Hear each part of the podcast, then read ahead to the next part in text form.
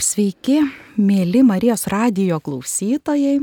Prie mikrofono aš Rita Kievišienė, vedu laidą Renkuosi sutarti ir šiandien mano pašnekovė svečiuose nuostabi moteris, kolegė, kur kartu studijavome, Asta Balperinė, kognityvinės elgesio terapijos praktikė bei dėmesingumo mokytoja.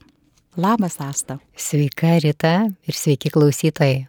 Taip, netikėtai turbūt ar ne, šiandieną tas susitikimas, bet jis įvyko ir dėkoju, kad tu atėjai. Prisimenu tave, mes pažinom turbūt prieš kokius gerus penkis metus, kai studijavome taip. Ir man visą laiką, kiek susitikdavom per seminarus, per mokymus, buvai tokia labai rūpestingumo įsikūnymas, toks nuoširdumo, toks tikrumo. Aš kai tokia dažnai būnu, nežinau, tokia, tokia kitokia, tai labai va tas buvimas šalia tavęs man padėdavo irgi būti ramesnė tikresniai, tikresniai ir netgi nuoširdesniai. Tai aš labai to mokiausi iš tavęs. Taip. Ir dar vienas momentas, kuris įstrigo, kai važiavom kartu irgi iš studijų, kai tu pasakojai, kad jūs liktai gyvenote dviejų kambarių būte ir priėmėte kažką tai atvažiavusi iš užsienio ar studijuoti, ar pagal mainų programą. Ir tada man toks irgi buvo jausmas, toks ir mintis tokia atrodo, ir tie, tas būtas nedidelis ir jūs visi sutalpinot, sutilpote taip visi kartu su kitu žmogum, su žmogum, kurio nepažinojote. Ir man kažkaip kažkaip tai buvo tarsi pavyzdys vaikams, ką tu gali parodyti savo vaikams, kaip tu elgėsi, koks tavo elgesys ar ne, ką tu deklaruoji. Tai kaip va tavo ta, nežinau, motinystė tavo gal ar apie vaikus savo,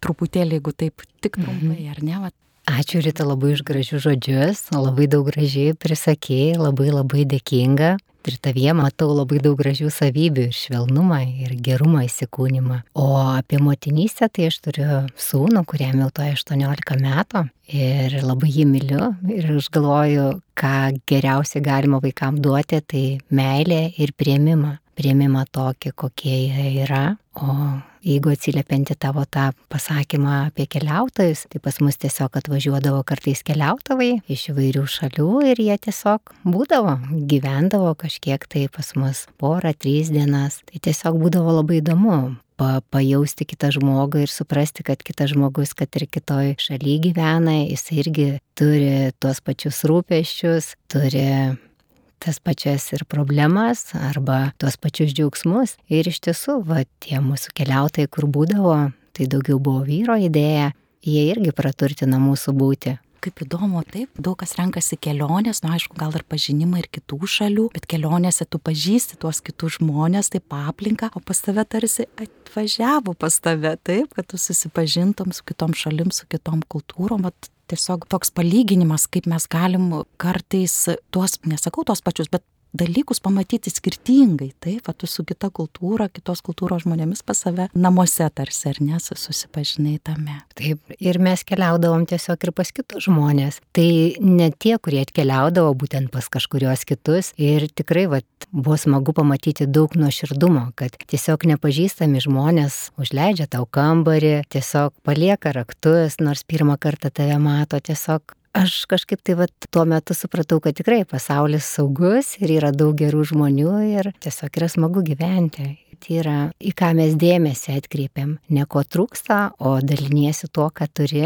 ir tiesiog matai ir džiaugiesi tuo, ką turi. Tai tiesiog tas. Oi, tu priminėjai, paskambino kolegė Rasa, mūsų mm. bendra pažįstama tai. ir, ir aš taip tarsi, na nežinau, ar skundžiausi, gal ar sakiau, čia mano dukra ten dukrytė koja susilaužė, čia toks rūpesis, toks rūpesis ir mes taip, na, taip, taip iš, išklausę gražiai, leido man taip pasisakyti, taip. Ir taip baigiant pokalbį, Rasa sako, Rita, o kas tave džiugina? Ir va tas, va tas dėmesio nukreipimas, kur tu ką tik minėjai, man tiek atvėrė nuo to tokio džiaugsmo ir tokio, kad vaikai yra tai, kuom aš džiaugiuosi. Taip, mano vaikai, sakykime, mano šeima, tai nežinau, tas toks gavosi, kad su tokiu džiugesiu aš nuėjau ir pas vieną savo mergaitę ir, ir pas, pas, pas kitą.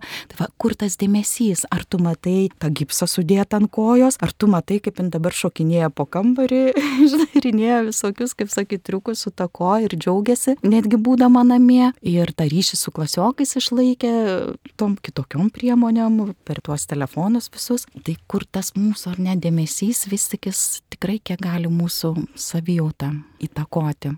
Aš tai galvoju, tai labai svarbu, kur tas mūsų dėmesys, nes mes turim tą dalyką dėmesį ir galime išmokti įvaldyti. Ir vat būtent ir vaikus vat mokinu, kaip išmokti, kur pastebėti, kur tas būtent dėmesys, ar jisai praeitį, ar ateitį, ar dabar. Ir būtent kur aš noriu matyti, ar man kažko tai trūksta, nesiseka, ar kaip tik bijau, kad kažko tai negaučiau blogo pažymio. Būtent vat su vaikais, kai dirbu, matau, pas juos labai yra didelė vat ta baimė tiesiog negauti blogo pažymio įvertinimo. Taip, ir čia yra iš baimės tokios, baimės tėvų, ar turi jie galbūt galbūt kontroliuojančius tėvus, sakykime, ar ne, kurie ten kišasi į jų, e, tarsi privalo ten vaikas papasakot būtinai, ką dieną veikia, jau tai privalo, arba tokiu autoritetu gal netgi tėvai nusprendžia, ką vaikas turi daryti, net nepasitarę galbūt su juo, ar ten su paaugliu, sakykime, ar ne, arba tėvai galbūt netgi tą kalties jausmą gal sukelia, jeigu vaikas ten kokį pažymį blogą gauna ir, ir po to nekalba su juo, tai vaikai kaip ir bijo tarsi, bijo būti neįvertinti ar bijo tėvų. Aš galvoju, kad yra keli variantai. Tiesiog bijo blogai būti įvertinti, nes bijo to įvertinimo klasiokų ir tėvų, nes iš tiesų labai dažnai tėvai būtent į rezultatą jie nori, kad jeigu gausi mažiau negu šešis, negu septynės, tai tiesiog tada negausi to, to, to ir to, nebus apdovanojimų, nebus kompiuterio, o kažkaip tai tų gerų dalykų, vat, yra būtent į tą trūkumą labai daug ir labai į lyginimą, nes va, lyginimą pasižiūrėk, aš tai geriau galėjau ir ypatingai va, nu tėvai sako, va, aš tai galėjau kitaip, aš pirmų nebuvau, bet kažkaip nesupranta, kad kiekvienas vaikas yra skirtingas ir kiekvienams vaikas turi skirtingus dalykus patirti šiame pasaulyje ir tas pažymys aš sakau, jeigu jie galėtų, tai jie ir atneštų tą dešimtuką. Bet realiai, kai baigsis mokslai, kai viskas tai, ką mes turėsime, ar mes norime atsitraukusi vaiką turėti, būtent kuris bijo mūsų, ar tą gerą santykį. Ir aš kažkuriuo tai metu būtent su savo sunum irgi kažkaip tai vad pastebėjau, kad kai baigsis mokykla, tie santykiai dar turės tęstis. Ir labai svarbu tas geras santykis. Ir kur mano dėmesys. Ar į jo pastangas, kad jisai deda, deda tiek, kiek nori, kiek gali, ar į tai, kokį pažymį atneša. Taip, ir ypač svarbu pirmosiose klasėse, pradinėse klasėse arba vaikutis dar kol yra iki mokyklinukas gyrti už pastangas. Už pastangas, ne už rezultatą, už tai, kad stengiasi, kad įdeda pastangas. Kas dar, kokie dar ateina, tu vedi vaikams ir paaugliams mokymus, mm. taip dėmesingo, mhm. ar yra daug vaikų, kurie nevaldo dėmesio, hiperaktyvus, ar ateina ir ar padeda mokymai praktikos, kurias vedi. Yra visokių vaikų, aš sakau, ir tiesiog aš manau, kad padeda tai, kur mes dedam pastangas, mes tiesiog išmokstam pažinti save. Tai aš galvoju, kad labai trūksta mokyklose tų dalykų, kad, vat, pavyzdžiui, pažinti save. Pavyzdžiui, galėtų būti savęs pažinimo pamokos. Vat, kad pažinti, kur yra mintis, kur yra jausmas, kokie jausmai būna, yra kokie impulsai, ką aš jaučiu kūne, nes iš tiesų daugelis vaikų ir netgi suaugusių gyvena savo mintyse. Ir svarbiausia, kad tiki tomis mintimis. Kažkas vaikui pasakė, kad nevykėlis ir jisai tuo tiki. O kažkaip metų tiki, sakykime, ar ne? Taip, taip, tiki, taip. taip. Mhm. Ir netgi ateina vat suaugę žmonės, kad pas juos kažkas tai vat pasakė klasė, kai buvo kokioje penktoji, kad jisai nevykėlis, ar dar kokį žodį. Ir jie tuo tiki svarbiausia. Ir kažkaip tai tų faktų dabar per naują tarsi nepatikrina, jie taip tarsi užstrigė jų viduje. Tai aš galvoju, tą dėmesingumą vat, galima ar jaunas, ar mažas, galima nuo mažens ugdyti. Ir galvoju, tai būtų svarbu tokia savęs pažinimo pamoka.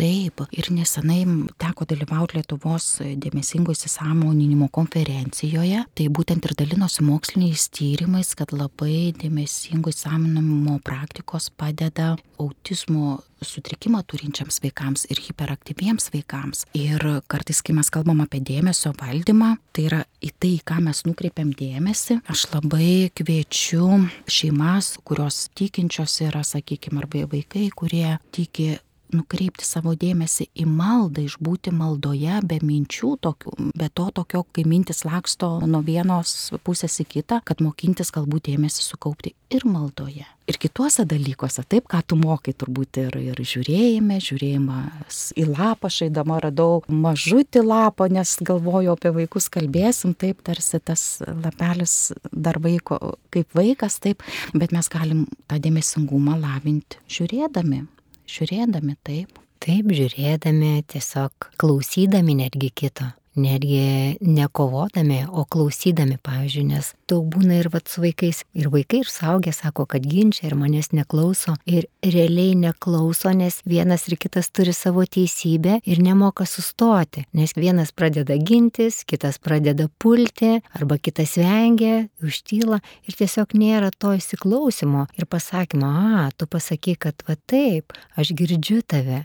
Ir kitas, kad pasakytų, ir girdžiu tave, ir padarytų pauzę. Dažniausiai, nu, tarp vaikų ir tėvų vyksta kova ir jie, nu, dėl to nėra to tarsi susišnekėjimo būtent šeimoje. Ir toksai tarsi puolimas vienas kito, taip, tai nu vienas gali būti scenarių šeimoje, kai vienas kitą tarsi na puola, garsiai kalba ir niekas negirdi turbūt nei viena, nei antra pusė, nes kiekvienas, kaip tu sakai, nori įrodyti teisybę, bet kitas va gal šeimos modelis yra, kai vienas kalba, o kitas tyli. Ir tylėdamas labai daug minčių verda pasi, taip, tai irgi ne pats geriausias turbūt modelis Taip, tai irgi automatinis modelis, vad būtent kovoti, pulti arba vengti, tai vad tas yra vengimas. Tai irgi tikriausiai yra iš to, kad galbūt nepažįsta kažkokių jausmų arba netgi vengia jų jausmų, kuriuos vadina nemaloniais, pavyzdžiui, ar kaltė, ar pyktis. Ir iš tiesų, jeigu mes vengiame tų jausmų, po to gali jie sprokti kažkuriuo tai netikėtų metu. Ir netgi vat, viena mergina pasidalino, sako, atrodo viskas buvo gerai, netyčia draugė numetė podelį. Man negaila jo buvo, bet sako, aš taip sprogau.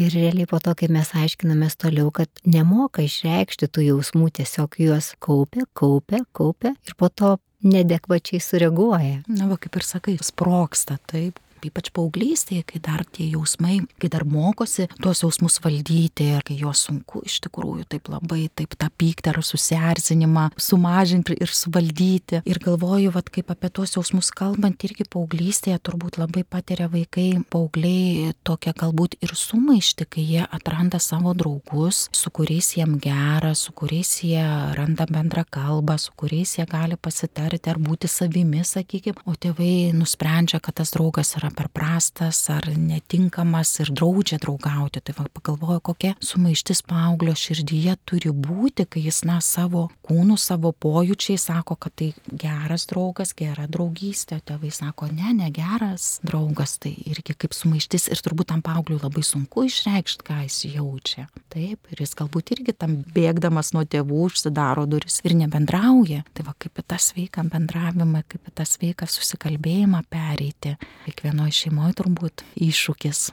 Aš galvoju tikrai taip, tikrai taip, nes negalime, sakykime, aš pastebėjau tiesiog, kad kai kurie vaikai tiesiog bijo tėvų, bijo pasakyti savo nuomonę, nes tėvai išsako savo, kaip turėtų būti, o neišgirsta, ką norėtų. Ir kartais nebūtinai vaikui reikia išpildyti, ką jisai norėtų, bet jam labai svarbu būti išgirstam. Tiesiog kad jį išgirstų, kad ir jo nuomonė. Ir jo mhm. nuomonė, kad išgirstų ar ne, bet ir jo jausmus atlieptų. Nes kai kurie tėvai neleidžia vaikams pykti, neleidžia susierzinti, nes mano, kad tie vaikai turi būti tik tai geri ir negali kažkokių tokių emocijų jausti, kurios nėra, kaip tu sakai, nemalonios taip. Ir reikia įleisti vaikui tuos jausmus.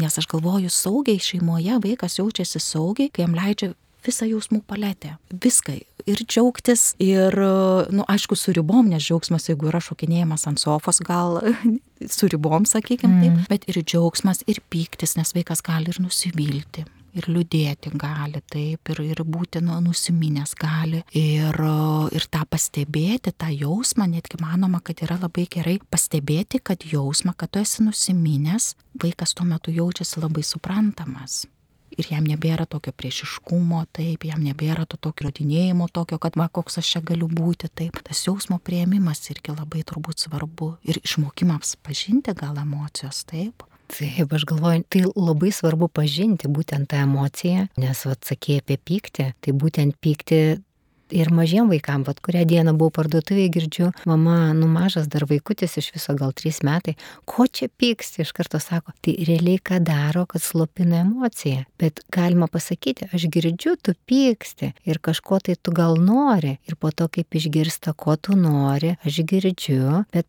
aš girdžiu tave, labai svarbu vaikui ir žmogui vat, būti išgirstam, kad išgirstų ne tik jo jausmus ir emocijas ir mintis. Ir kitas dar dalykas, vat, kai sakėjai, tas prieimimas. Iš tiesų nėra lengva priimti tokias emocijas, kurias vadiname nemalonėmis.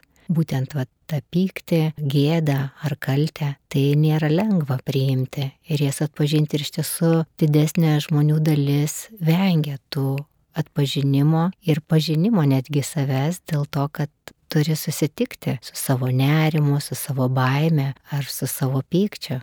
Taip. Suomių mokslininkai yra padarę tokį žemėlapį kūno ir nustatė, kuri kūno vieta reaguoja, kai kokia emocija būna. Na, mes matom jau ir kūniškai ten, kai supyksta vaikas, ten kumščių sukniaužia, gal ten pečius pakelia ar kaktą suraukia taip, bet emocija, pavyzdžiui, džiaugsmas labiausiai paliečia visą kūną ir, ir krūtinė, ir rankos, ir, ir galva. Jeigu mes turim kažkokį tai susierzinimą, vėlgi gali labai kaklinė dalis raumenų ir įsitempti priimti. Tai yra netgi sukurtas žemėlapis, kur emocijos, kurioje vietoje labiausiai reaguoja kūnas, kai mes emociškai. Ir net taip paprasta pažinti emociją, taip kūnas kartais ir, ir pasufleruoja.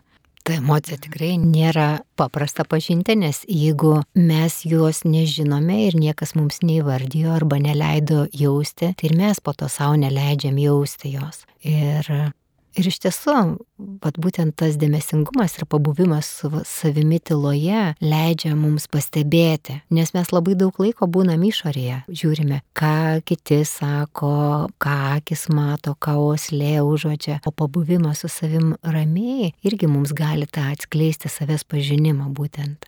Staptelėjimas toksai. Taip, tų išorinių dirgiklių pakankamai daug ir va dabar šią savaitę konsultavau irgi paauglį, kai jis susierzina, jo strategija nusiraminti tai yra telefonas, socialiniai tinklai ir jis tuo metu nusiramina. Bet čia turbūt ne pati geriausia ta strategija nusiraminimo, taip, ieškoti kitų. Ką jisai daro realiai, jisai tiesiog pabėga, tas automatinis toks pilotas. Aš pabėgu, aš nieko nesprendžiu, aš einu ten, kur malonu man tuo metu ir tarsi jinai išnyksta ta, nes aš nueinu savo dėmesį nukreipiu ten, kur malonu ir nebūnu ten, kur nemalonu. Ir aš pabėgu. Toksai, sakyčiau, teisingas būdas būtų staptelti ir pasižiūrėti ir smalsiai patirinėti, o kas man tą pyktį sukelia, kokie ten tie mano poreikiai yra ar kokie norai, kaip aš galėčiau savo kitaip padėti. Tiesiog va tą smalsumą. Ir čia prasideda nuo tokio ketinimo, va, kaip aš norėčiau, kad būtų,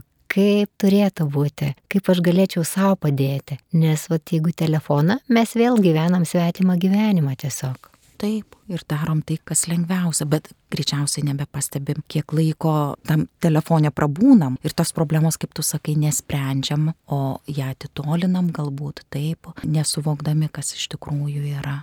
Man labai panašiai, vat, sakykime, tarsi, žinot, nu, po kilimėliu, vat, kažką tai, vat, nu, kai šluoja šiukšlės, aš kažkada tai, vat, būna kartais e, pašluodavo, nežinau, kur aš čia mačiau, bet kažkaip tai po kilimėliu. Bet realiai mes tarsi pašluojam, nereikia įsemtuvėlį dėti, bet jos yra. Vat tiesiog taip, arba dar kitaip, vat, galima irgi tokį gal pavyzdį duoti. Vat mes nešiojame koinės ir tiesiog, nu, mes jas nešiojame, nešiojame ir jos būna nešvarios ir su ta problema, ar ne, vat, jinai nešvarumai vis viena kaupėsi, ar ne, ar kažkokie tai. Arba, pavyzdžiui, kad mes turime daržą, tai pikžolėsgi išraunam, o čia gali būti tam tikra pikžolė, jeigu mes nesusimastom ir toliau leidžiam tom pikžolėm aukti. Tai kur rasti to samoningumo, to staptelėjimo, kad tie išoriniai impulsai nevaldytų, nes aš taip galvoju, išorinis impulsas, kai mes valdom emocijas, gali būti ir valgymas, taip, kai man liūdna ten užvalgo arba kai susierzinu, užvalgau. Tai kaip vis tik tą samoningumą tokį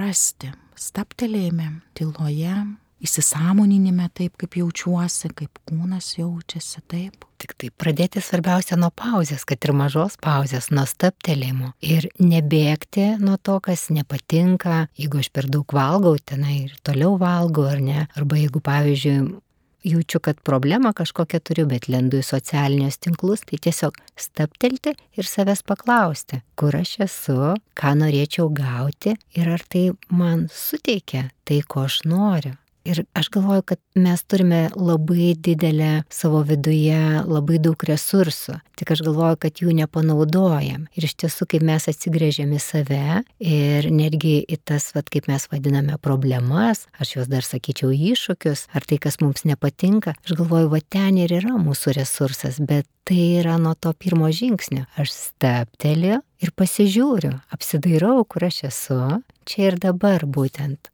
Ir nuo to viskas prasideda. Nuo noro ir nuo veiksmo.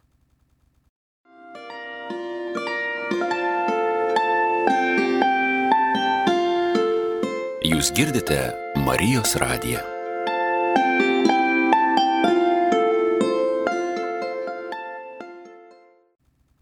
Aš primenu Marijos radijų klausytojam, kad dabar yra laida Renkuosi sutarti ir svečiuose yra Asta Balperienė, kognityvinio elgesio terapijos praktikė ir dėmesingumo mokytoja. Na ir tęsiam tada laidą toliau. Ir dar apie tą laisvę galbūt tėvai labai tos laisvės suteikia vaikams. Kartais net ir tos kraštutinės laisvės. Tai kaip tas ribas galbūt turi savo kokio patyrimo Aš galvoju, nuo vaiko amžiaus priklauso tos ribos. Mažesniam yra mažesnės ribos, didesniam didesnės ir tiesiog daugiau to atsakomybių. Ir labai svarbu neprimesti, sakykime, tai, ką aš norėčiau ar ne, kad darytų, bet labai svarbu tas susitarimas, manau. Labai svarbu susitarti ir aptarti. Ir tikriausiai bėda yra ta, kad dažnai, nu, tėvai neturi laiko, nes jie skuba, turi irgi savo dalykų ir va tame yra problema, sakyčiau, tokia. Taip, susėsti kartu ir būtent aptarti. Nes taisyklės, reikia taisyklių vis tiek, nes vaiko elgesiui vadovauti vaikui, jeigu jis yra nu ne nepilnametis, tai kaip ir reikia, taip. Ir taisyklės vis tiek rodo ką, rodo, kad mes mylim vaiką, kad rūpinamės juo, ribos ar nerodo ir va, kaip ir tu sakai, kad kartu galbūt jas kurti, kartu susėsti ir žiūrėti, kokios bus, na nežinau, bausmės čia tinkamas žodis. Sakyčiau, pasiekmes, pasiekmes, teisingas. Bus mhm. pasiekmes, taip, ar kažkokios privilegijos bus atemtos kažkuriam laikui, ten telefonas valanda be telefono, ar, ar kažkurį taip, ar, ar kažkokios lieps sutaisyti tėvai sugadintą daiktą, jeigu vaikas ten supyko ir tos emocijų dar nemoka valdyti, o daiktus laužo. Tai tos ribos turbūt ir taisyklės turėtų irgi labai padėti padėti? Manau, kad padeda. Tik labai svarbu susitarti iš anksto, susitarti ir dar svarbu patiems tėvam laikytis taisyklių, nes sutikau ir tokių, kur sako, vad, tarpusavėje tėvai vienas tarsi draugas, o mama tiesiog griežtesnė būna ir dažnai tiesiog moteris būna tarsi griežtesnės, o tėvai tarsi nuolaidesni ir todėl aš sakau, kad labai svarbu, kad būtų bendras susitarimas, kad tarp mamos ir tėčio būtų vieninga strategija ir tada vaikui geriau, tada jisai saugesnis jaučiasi. Jo, ir mes vėl grįžtam prie to bendravimo, prie to pokalbio, gal ir sąmoningo bendravimo taip, tėčio tarp su mama, ar paskui ir, ir su vaiku, apie pokalbį ir apie poreikių išsiaiškinimą, turbūt taip, kokie poreikiai yra. Taip, kas man svarbu. Ir žinoma, atskirti tos poreikius ir norus, nes kartais norai gali būti labai dideli, tuo labiau kaip dabar tokia medija yra ir daug mes į išorę. Ir aš galvoju labai svarbu, vat, kad ir tėvai išmokintų vaikus dar tokį svarbų dalyką - dėkingumą, kad išmokintų kad patys būtų dėkingi vaikui vien dėl to, kad, nu, pasakytų, kad aš džiaugiuosi, kad tu atėjai padėkoti. Kitas dalykas, vat, pavyzdžiui, aš siūlau visada tokią praktiką, vat, vakare arba ryte atsikėlus, kad padėkoti, bet už tris dalykus. Atsikėlė ir gali padėkoti, kad šviečia saulė, kad turi namus, kad šilta. Nes dažniausiai ryte atsikelia žmonės ir suaugę, ir vaikai, reikia į mokyklą, baisu, iš karto savo tokią nuostatą. Tai va tokius naujus įpročius įvesti. Ir tiesiog, va, nu irgi vaikus arba prieš miegą mokinti tokių vat paprastų dalykų kaip dėkingumas. Aš manau, tai įneša irgi gerų dalykų į šeimą. Taip, nes dažnai yra, žinai, ta prašymo malda. Noriu to, Dieve, atsiūsk man tą, kad būtų taip. Pamirštam dėkingumo maldą arba va dėkingumą už tai, ką, ką turim. Gal net ir už tuos, kaip tu elementarius dalykus, kaip sakai, ar saulė, ar, ar kad sveikas esu, ar kad galiu sutarti apie tą dėkingumą. Ir tai yra emocija, kuri irgi yra emocija, bet kurią mes vertinam kaip labiau teigiamą. Ir jeigu yra dėkingumas, tai tada nėra galbūt vietos ar nerimui, ar baimiai tokiai, galbūt nėra tiek daug vietos, jeigu yra dėkingumas. Taip, ačiū už tą priminimą tokį, būtent, kaip sakyti, ir pačių tėvų dėkingumas už, už įvairius dalykus ir mokyti tuo vaikus. Tai va, kaip ir tas geriausias auklėjimas turbūt yra savo pavyzdžių. Taip, nes tėvai yra dažniausiai pavyzdys, nors jie kartais ir nenorėtų arba norėtų kaip tik, kad būtų, bet vaikai vat mokinasi ir aš pastebėjau, kai sako, mes tą sakom nedaryti, bet jie patys kartais daro, nes netgi ir apie tas pačias taisyklės. Sako, mes bandėm daryti. Aš klausiu tada, kiek ilgai? Nu, tai sako, po to mes pamirštam. Tai sakau, labai svarbu yra tas nuoseklumas, nes tas nuoseklumas, nu, įpročiai mūsų labai veikia. Kaip ir dantis valytis valomės kasdien, nes mes įpratome. Mes su savo šeima rašėm taisyklės, kai buvo dukrytė mano kokie keturi metai ir tarsi kiekvieną susirašėm savo pareigas, ir jai netgi ir nieko nepaskyrėm, nes ir taip labai nustebau, kai jis sako, ką man reikia padaryti, o ką aš turiu padaryti. Tai va, kaip tarsi va, savo elgesiu mes suaugę susirašėm, ką darom, o jau tai mažiukiai kaip ir nieko nepaskyrėm, kad neužmiršti ir tų mažų vaikų įtraukti ir su mažom taisyklėm jom, su mažom užduotim jau įgūdžius lavinti įgūdžius, kad jis šeimos narys pilnavertis ir kad šeimos kasdienybėje tik darbų pasiskirstimai jie yra svarbus ir kad kiekvienas tas šeimos narys yra svarbus, kuriant tą šeimos gerovę. Taip, pasta laikas čia irgi bėga mūsų. Ką mes dar galim, vat apie meilę, truputėlį vat apie tą meilę, nes gali, galima suvokti irgi vat kaip tą jausmų išreiškimą tokį, turbūt tą emocinės paramos labai tokį davimą vaikui ypatingai svarbu, taip. Ir ypatingai gal net ir paauglystėje tos emocinės paramos davimą. Ir labai bendradarbiauti turbūt, su vaiku bendradarbiauti, su vaiku, su paaugliu bendradarbiauti, to, toks meilės ar ne būtų Taip, aš galvoju, tas teisingas toks bendradarbiavimas, bet to tokio be kritiko, nes dažnai vat, yra ta kritika iš tėvų, tu to, to nepadarėjai arba kažką blogai. Tai tiesiog vat, tas bendradarbiavimas būtent ir pasakymas, ko aš norėčiau, o bet tu etikėčių klyjavimą, tu nevykėlis, ar tau nepasisekė, žiūrėk tas geriau, bet tu tokių kažkokių tai negražių žodžių, tiesiog apie faktus pašnekėti, pasakyti, vat, aš norėčiau, tiesiog arba aš tau linkėčiau, kad nebūtų labai to tokio griežtumo ir iš tiesų tas geronoriškumas būtų. Taip, ir etiketės gali būti ir teigiamos, ten princesė ar ne mano princesė. Taip, taip, zuikelė.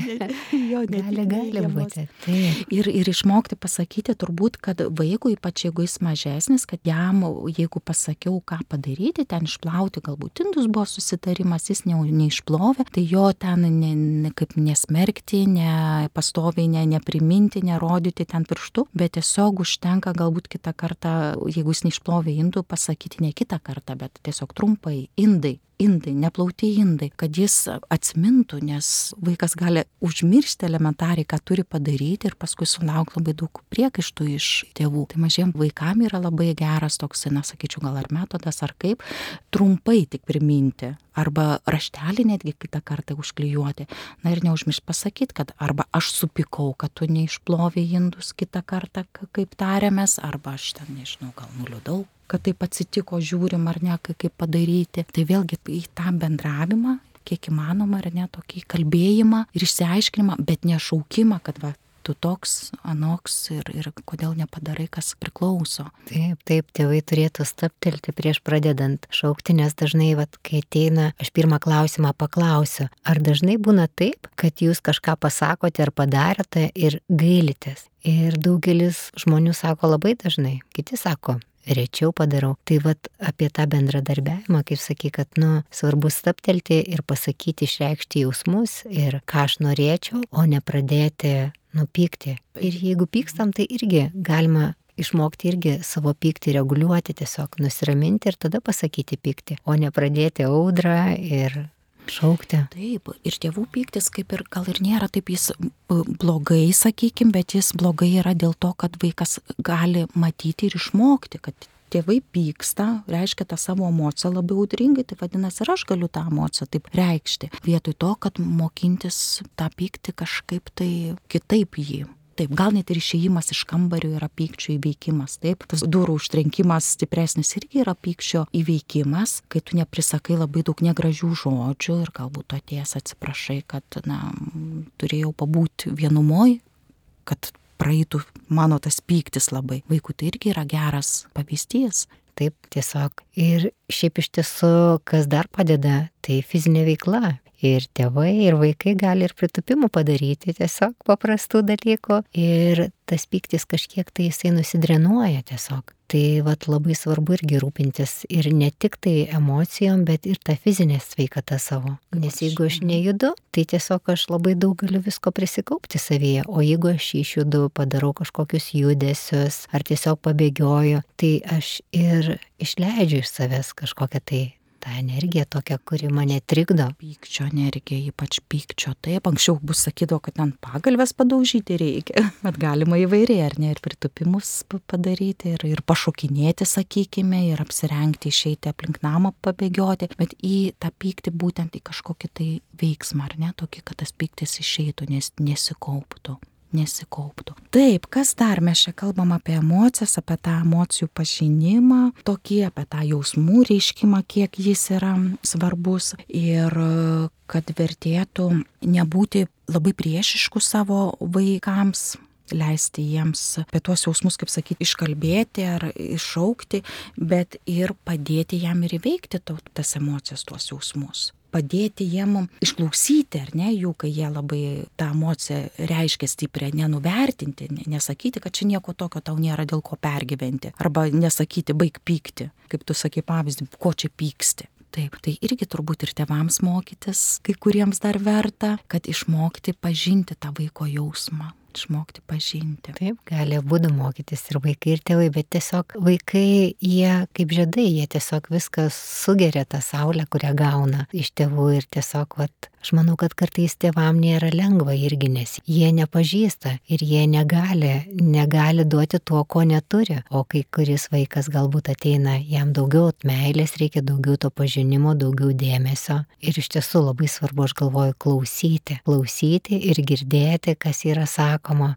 o ne vien norėti tik tai savo nuomonę pasakyti ir pasakyti, aš ilgiau pragyvenau, nes dažnai tai būna ir aš geriau žinau. Mes nesam tas vaikas, nepažįstam jo vidinio pasaulio, mes turime, nu, empatiškai galbūt į jo batus įlipti ir pasižiūrėti, o kas tikrai ten yra gali mums atrodyti, kad nesvarbu, bet iš tiesų jisai jaunesnis ir jam tai yra labai svarbu. Taip, gali tas vaikutis rasti kokią šakelę miške, labai su jie ten kūrybiškai žaisti, dėlioti, o einant namo tėvai gali išmesti tą šakelę kaip kokią nereikalingą, nesuprasdami galbūt kiek tam vaikui buvo svarbu tas buvimas, kūrimas, to kažkokio ten pagaliuko ten, kaip tikrai va tas įsiklausimas į vaiko, girdėjimas jo, auginimas jo su meilė, su tikėjimu, su viltimu ir kartais gal netgi kaip sunku yra apkabinimas, kai tu galbūt neturi kokio žodžio, net susitaikymo žodžio, nes susitaikius turbūt nėra paprasta atsiprašyti. Jeigu yra brandus žmogus, tai jis galbūt paprasčiau, bet galbūt net ir apsikabinimo neužmiršti, prisilietimo tos galios neužmiršti. Tai prisilietimai yra labai svarbu, aš galvoju, ir ypatingai mažiem vaikam. Galima kartais nieko nesakyti, bet tiesiog mažai ypatingai vaiką apsikabinti ir ypatingai jeigu jisai pyksta, tai tada kaip tik vat, tai nuramina. Taip, tu supykęs, taip, tavo pečiai pakelti yra dabar, bet pyktis praeis, pyktis praeina, kaip ir liudesys praeina, kaip ir bet kuri kita emocija praeina. Taip, jos pasiekia kažkurį tai piką ir po to negali aukščiau kilti, jos tiesiog praeina. Kaip ir vad žiema, vasara būna, pavasaris, taip ir mūsų jausmai ir mūsų mintis jos keičiasi visada. Taip. Asta prabėgo laikas, na, greitai, tiek turėjai pasidalinti iš savo ir praktikos, ir iš savo vedamų mokymų, taip. Ar dar norėtum palinkėti ko nors Marijos radio klausytoje? Norėčiau palinkėti pasidžiaugti šią akimirką tuo, ką tikrai turime, o ne tai, ko neturime Tai tiesiog išmokti norėti tą, ką aš turiu ir tiesiog pasidžiaugti, kad esame čia. Taip. Ačiū tau, Asta. Linkiu visiems Marijos radio klausytojams gero laiko, būkite sveiki. Ačiū, Rita.